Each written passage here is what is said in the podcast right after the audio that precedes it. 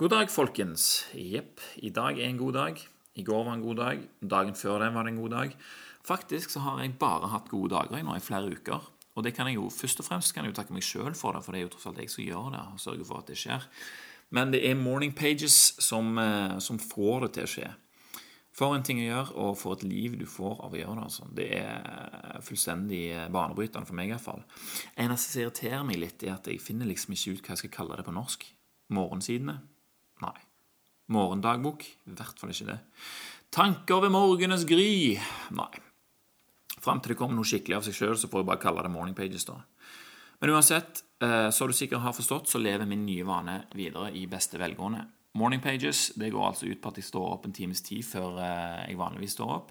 Eller sånn at jeg får en god, ti, god times tid for meg sjøl, iallfall, før eh, resten av gjengen kommer ned. Og Den timen der går i hovedsak ut på å skrive tre håndskrevne sider med, med, det du kommer på der og da. Det kan jo være hva som helst, men ofte er det ting som har skjedd eh, dagen før, eller liksom, kanskje noe jeg har Kanskje jeg tenker på en måte jeg reagerte på et eller annet. Så tenker jeg sånn, Hei, hvorfor gjorde jeg det? liksom, og ja, kanskje det var ditt, og kanskje det var datt. og sånn, Så jeg reflekterer over ting.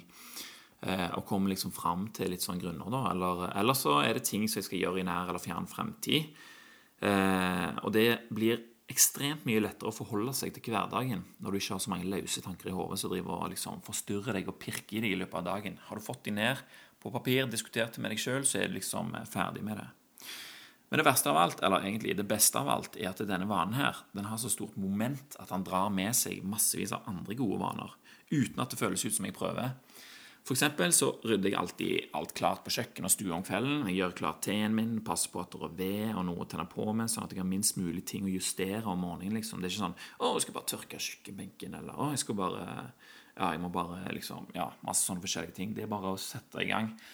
Uh, det er allerede vann i vannkokeren, så når jeg kommer inn på kjøkkenet, så er det bare å skru på den.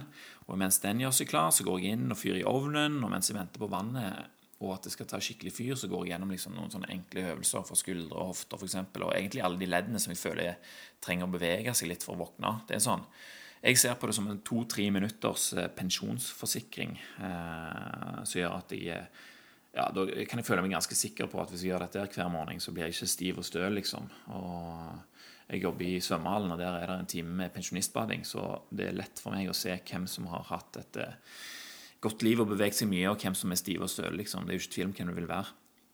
Uh, og Dette har jeg jo gjort òg før, men ikke på den måten her. For det er ikke så lett å gjøre på badet liksom, med kone og to unger rundt seg og liksom groggy akkurat våkna der. Men når jeg sitter for meg sjøl foran peisen i et stille hus og med fred i sinnet, så er det ekstremt mye enklere. Det, det er liksom så enkelt at du gjør det av deg sjøl. Og så er det teen som står for tur, da. Eh, det er jo ikke sånn Ja, jeg, altså jeg bodde i Kina en periode da jeg var 22. Og etter, var etter at jeg var blitt lei av å være BI-student og følte press av pikéskjorter og torsdagsfesting. Samtidig som jeg leverte pizza på Dolly, så plutselig sprakk det, og jeg rømte til Kina i et halvt års tid. Ekstremt kjekt. Eh, var jo alene, så liksom gjorde Måtte jo bare bli en kineser, prøve å bli en kineser, da. Da ble jeg ganske glad i te og fant ut at hei, det fins jo mer enn Earl Grey og, og sitronte. Og en av de teene jeg likte veldig godt utenom grønn te, som er liksom standarden, den som alle drikker hele tida, det var en te som heter puer-te, som er en eh, fermentert eh, type svart eh, te. Eh, de lager den stort sett i Yunnan-provinsen, som er helt der, eh, helt der eh, sør. Jeg har egentlig ikke drukket det siden jeg kom hjem. Jeg tok meg litt hjem og så drakk jeg det opp. Og så har jeg ikke har jeg liksom ikke har fått meg til å kjøpe det på en nettbutikk, eller sånn, liksom, for jeg vet ikke hva slags kvalitet jeg får. For Kina så får du alltid smake dette her hos teforhandlerne, og de vet alltid masse om teen. og sånt, og Du setter deg ned med et lite bord der, og sånn, de kjører en liten sånn teseremoni der. Sånt, så det forsterker sinnssykt um, opplevelsen av å drikke te. Og de som har vært på teseremoni, de vet hva jeg mener. Dere andre dere må bare prøve når uh, sjansen byr seg. Eh, men plutselig fikk jeg lyst på puer-te igjen. Det, det, var faktisk Tim Ferris som begynte å snakke om det. Men jeg var usikker og, og, ville vel egentlig ha noe fra noen jeg stolte på. da, Litt den samme følelsen som, eh, som, jeg hadde der i Kina. Og så har jeg en venn av meg som bor i Singapore. Jeg bodde der en liten periode da jeg var 13 år, så jeg kjenner han derfra. Så jeg ba han om han kunne fikse litt til meg. Han er jo verdens snilleste, så jeg visste han kom til å gjøre det. Samtidig som at eh, jeg visste at det ikke var liksom ork for han, han, han kom til å like det. Eh, men jeg sa til han at han måtte ikke kjøpe noe dyrt, bare det var god kvalitet, eh, så var det greit. liksom. Ja, ja, ja ingen problem. Så etter noen uker da, så kom det altså en pakke. Puerté er ofte komprimert til en slags sånn Det ser ut som en tallerken eller en, eh, eller en sånn frisbeeform. Og så brekker du av små biter. da. Så jeg åpner pakken i fyr og flamme og finner to sånne frisbeer med PURT. Yes! Og så ser jeg litt på liksom. 13 år gamle, og prislappen liksom for to sånne frisbeer De veier sånn jeg vet ikke hvor mye det er, sånn 750 gram til sammen, kanskje. 687 Singapore-dollar. Du kan jo slå opp hvor mye det er. Oh yeah, I want to give you the best la. Don't worry. I like it. I went to every tea shop to find this one. Huh? The man, he told me it was the best. Så det er sånn som så, så Alien er. Og eh, nå har jeg altså skamdyret te som jeg drikker med andakt hver eneste morgen. Og jeg føler det hjelper meg å sette pris på den stunden òg. Ikke pga. prisen, men pga. at eh, han ville gjøre så mye for at jeg, eh, jeg skulle få det beste, liksom. Og da tenker jeg på hvor god han er som person. Eh, og det gjør liksom at jeg, okay, kanskje jeg kan gjøre ting litt annerledes, være litt snillere med folk. og sånt. For vi har jo alle venner og familie som har egenskaper vi setter pris på.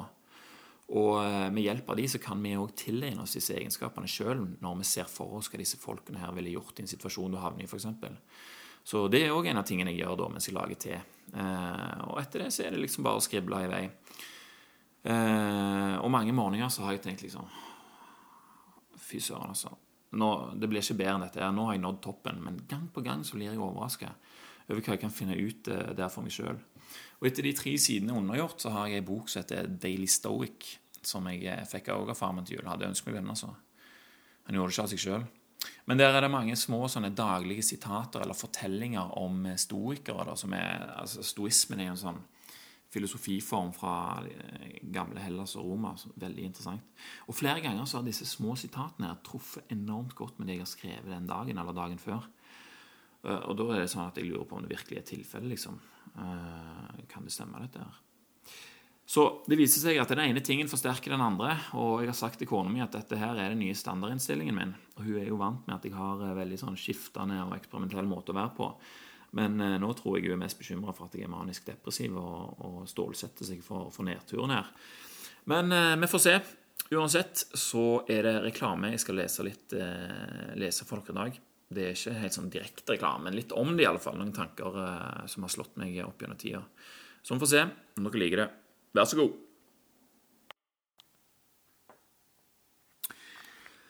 Hvorfor jeg unngår reklame, og hva jeg får ut av det. Så hvordan føles det å selge seg sjøl hver eneste dag fra morgen til kveld? Snakk om deg, ja. Og det er uten at du får så mye som et rødt øre for det. Det finnes utallige former å gjøre det på, og de fleste er av typen du egentlig ikke merker. Reklame er overalt hele tida, og det er så installert i alt rundt oss at vi bare aksepterer det. Og Sånn er det for de som lager reklamen òg.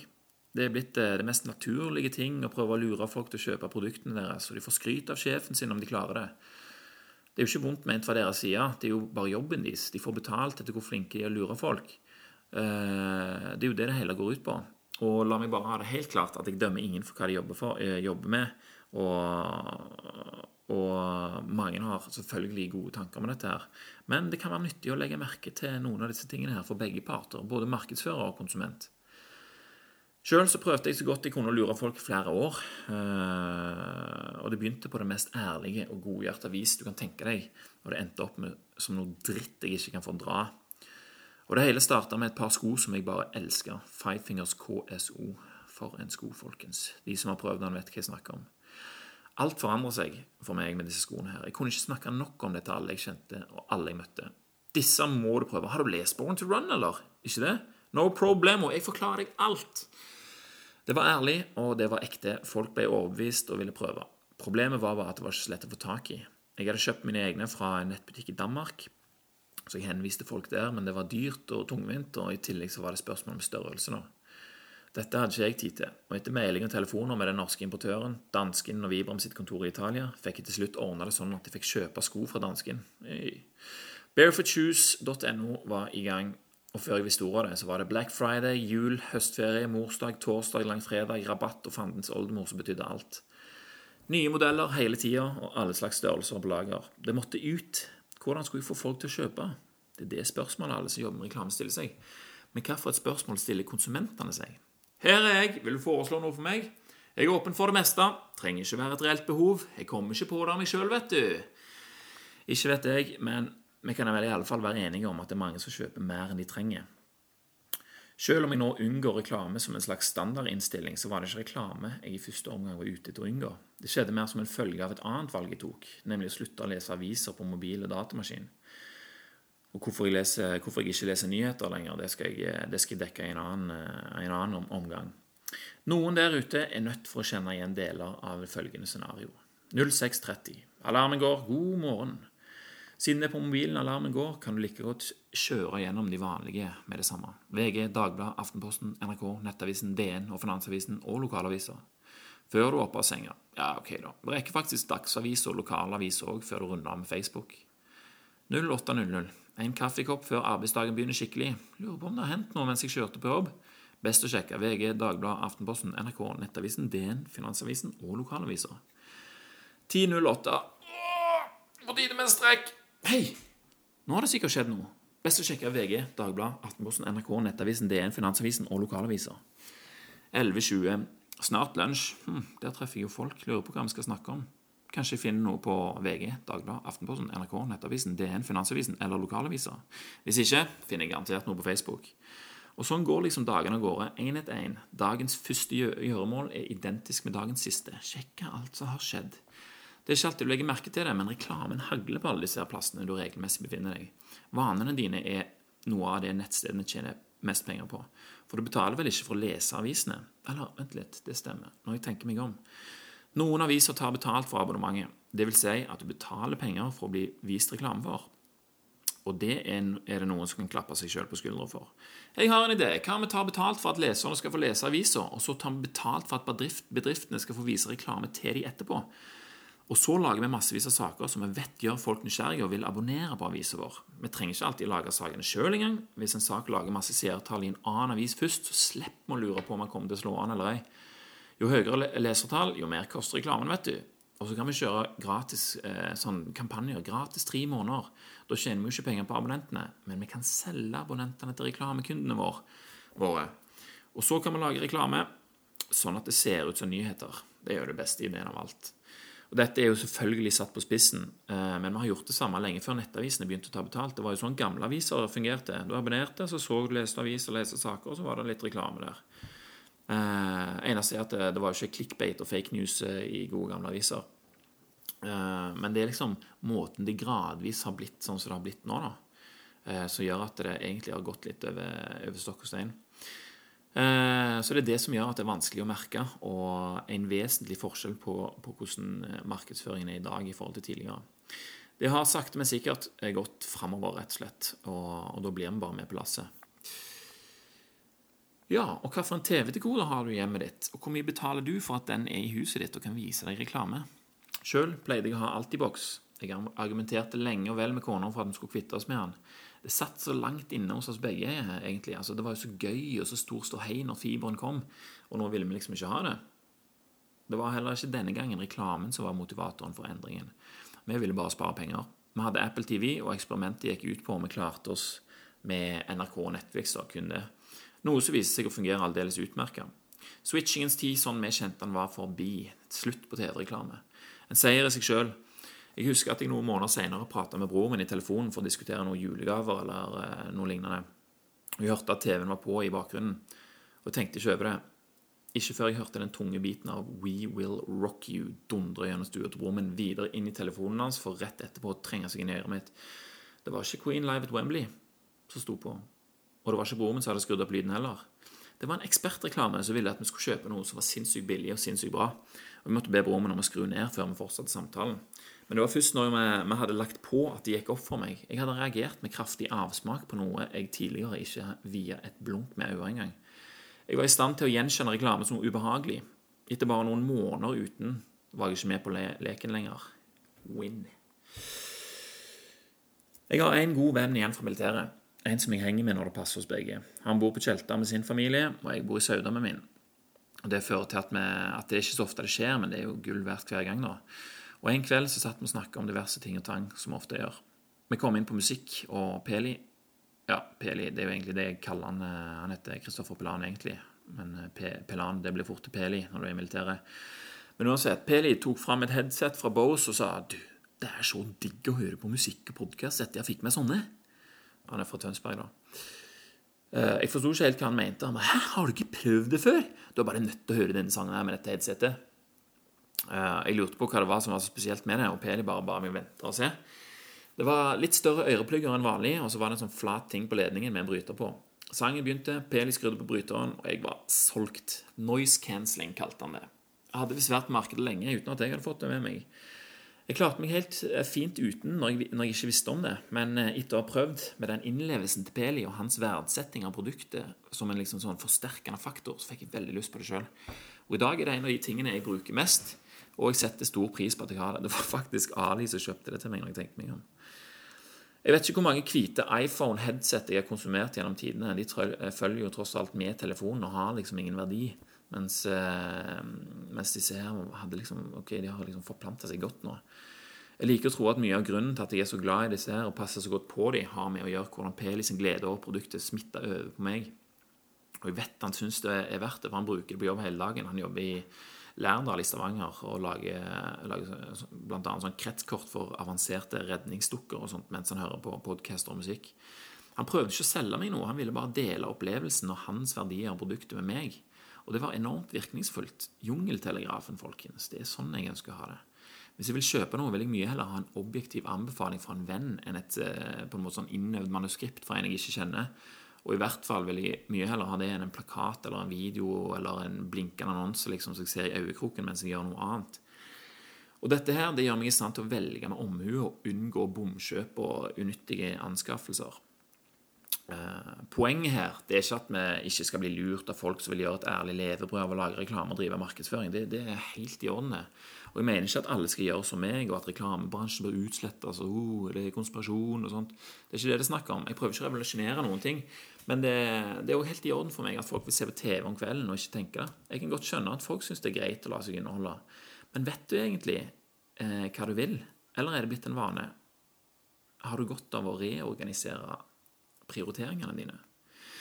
Den skjulte skatten her er kapasiteten du sitter igjen med hvis du er litt selektiv. Du kan se det på dette viset her. Du har en viss kapasitet i løpet av dagen til å ta en ting som skjer rundt deg. Og Når denne kapasiteten er brukt opp, så blir man, du blir sliten og resignert. Perfekt for hjernedød underholdning og utspekulert reklameeksponering. Tyner du gjerne med avis etter avis og hundrevis av inntrykk som du kunne brukt på noe helt annet helt fra morgenens gylne stund til kveldens ro og senke seg, så går det på bekostning av noe. altså Det, det kan vi vel være enig i. Kanskje blir det evnen til å reflektere eller eh, tiltakslysten du ønsker deg for å gjennomføre et prosjekt du har hatt liggende. Har du ei bok som har hatt samme elefanter i over ett år eh, fordi det er lettere å skru på TV-en og la seg underholde om kvelden enn å tilegne seg lærdommen i den boka, eller benytte seg av fantasien liksom, for å skildre noe i hodet ditt eh, så du leser i en roman. Klart det er enklere å se på TV, men det har sin pris. Og det er liksom det jeg ønsker å være litt, litt obs på.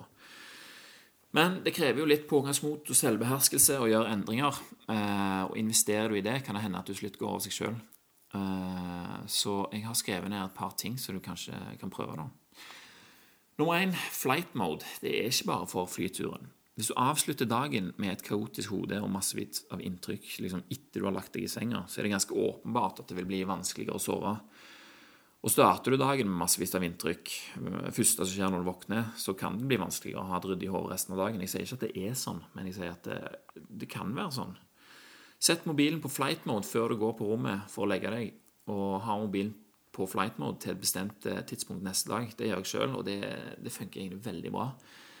Eh, fordi jeg vet at jeg ikke klarer å holde meg om det hagler inn en notifikasjon eller en melding. Så leser jeg en mail der eh, liksom, og så er det bare sånn oh, skal du sjekke Facebook òg? Oh, her har vi jo aviser kjempegreier. Så liksom, Det skal så jækla lite til før du bryter den eh, vanen der. Så det som jeg gjør, i hvert fall, jeg venter med å skru den på til enten jeg har levert ungene på skolen, eller, eller hva jeg skal gjøre. liksom, i alle fall så prøver jeg å vente så lenge som mulig. Av og til blir det klokka 11, kanskje han blir 8, samme det. Men uansett, i alle fall ikke det første jeg gjør når jeg står opp. Og Hvis du har lyst til å prøve det, så, så, er det jo opp til deg om du vil fortsette å gjøre det. Hvis du oppdager at det er digg, så, så kanskje du fortsetter. Så nummer to dette her drar med seg en enormt mye fordeler. altså. Uh, TV-abonnementet. Trenger du det virkelig? Tenk deg om nå. Ja, du liker Discovery, og ja, du liker sport. Ja, du liker oppussingsprogrammer, og du liker sikkert Farmen kjendis òg. Men liker du reklame?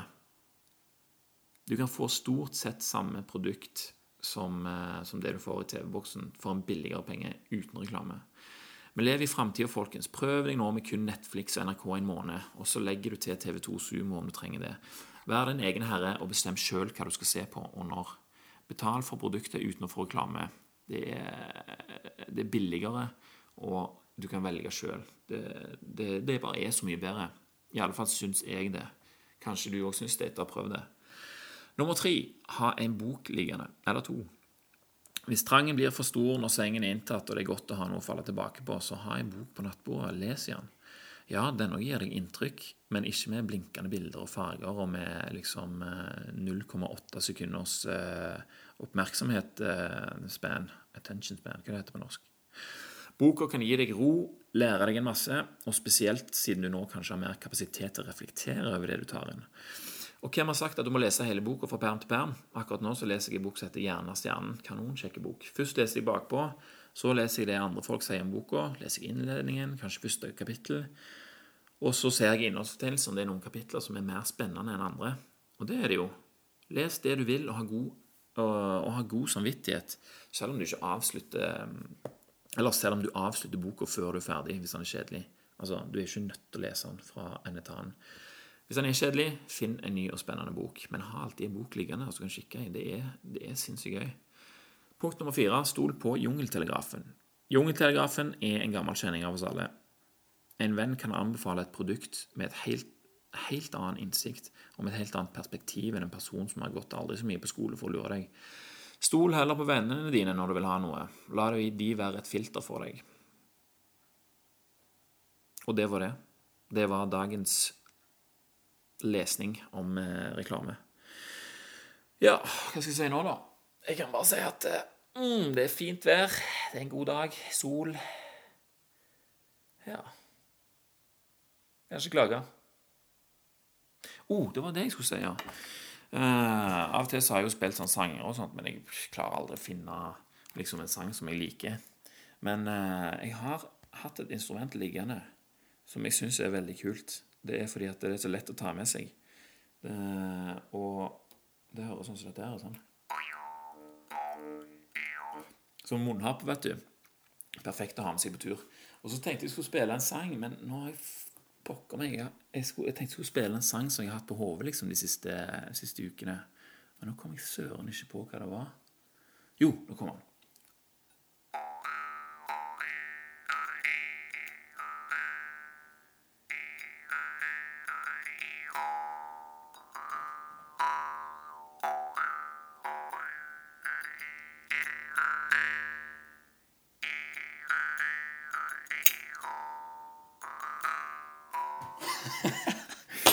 Ok, det var, det var, det Som dere forstår, så er jeg ikke noe musikalsk geni, men eh, jeg liker også å plinge litt på den her eh, av og til. Og Ask liker det, så da spiller jeg litt for han hvis det er noen sånne sanger eh, vi får på hodet.